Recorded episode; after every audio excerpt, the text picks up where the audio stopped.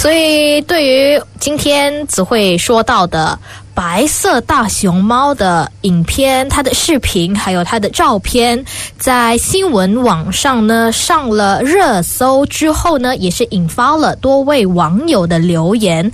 所以很多的人呢就笑说，终于出现了一只没有戴黑眼圈的熊猫，终于看到了没有黑眼圈的熊猫了。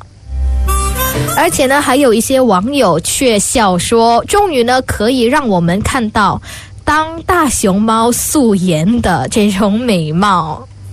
因为呢，很多时候那个大熊猫的黑眼圈呢，都是好像是在戴那个 eyeliner 一样，对不对？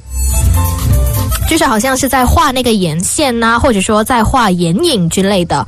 所以现在呢，终于把那个黑黑的部分。”呃，去除掉了，然后呢，就可以看到全素颜的大熊猫，就是曾经没有看过的，对不对？那所以今天呢，其实我们所说到的这个白色的熊猫呢，大熊猫呢，它其实是属于一种。白化大熊猫 （albino giant panda），所以拥有这种白化基因的，并不只是说人类而已。如今呢，在熊猫身上呢，也是有看到了。所以因此呢，有多位的研究人员也是有开始去进行更多的研究，就是为了要找出熊猫身上的这种白化基因，可能是。遗传的原因吗？那如果是遗传的话呢？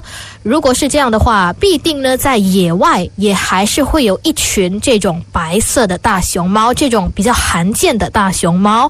但可能呢，这样的一群白化大熊猫，它的数量并不会很多，所以呢，真的是很罕见的一幕啦。可以看到这种白色大熊猫哦。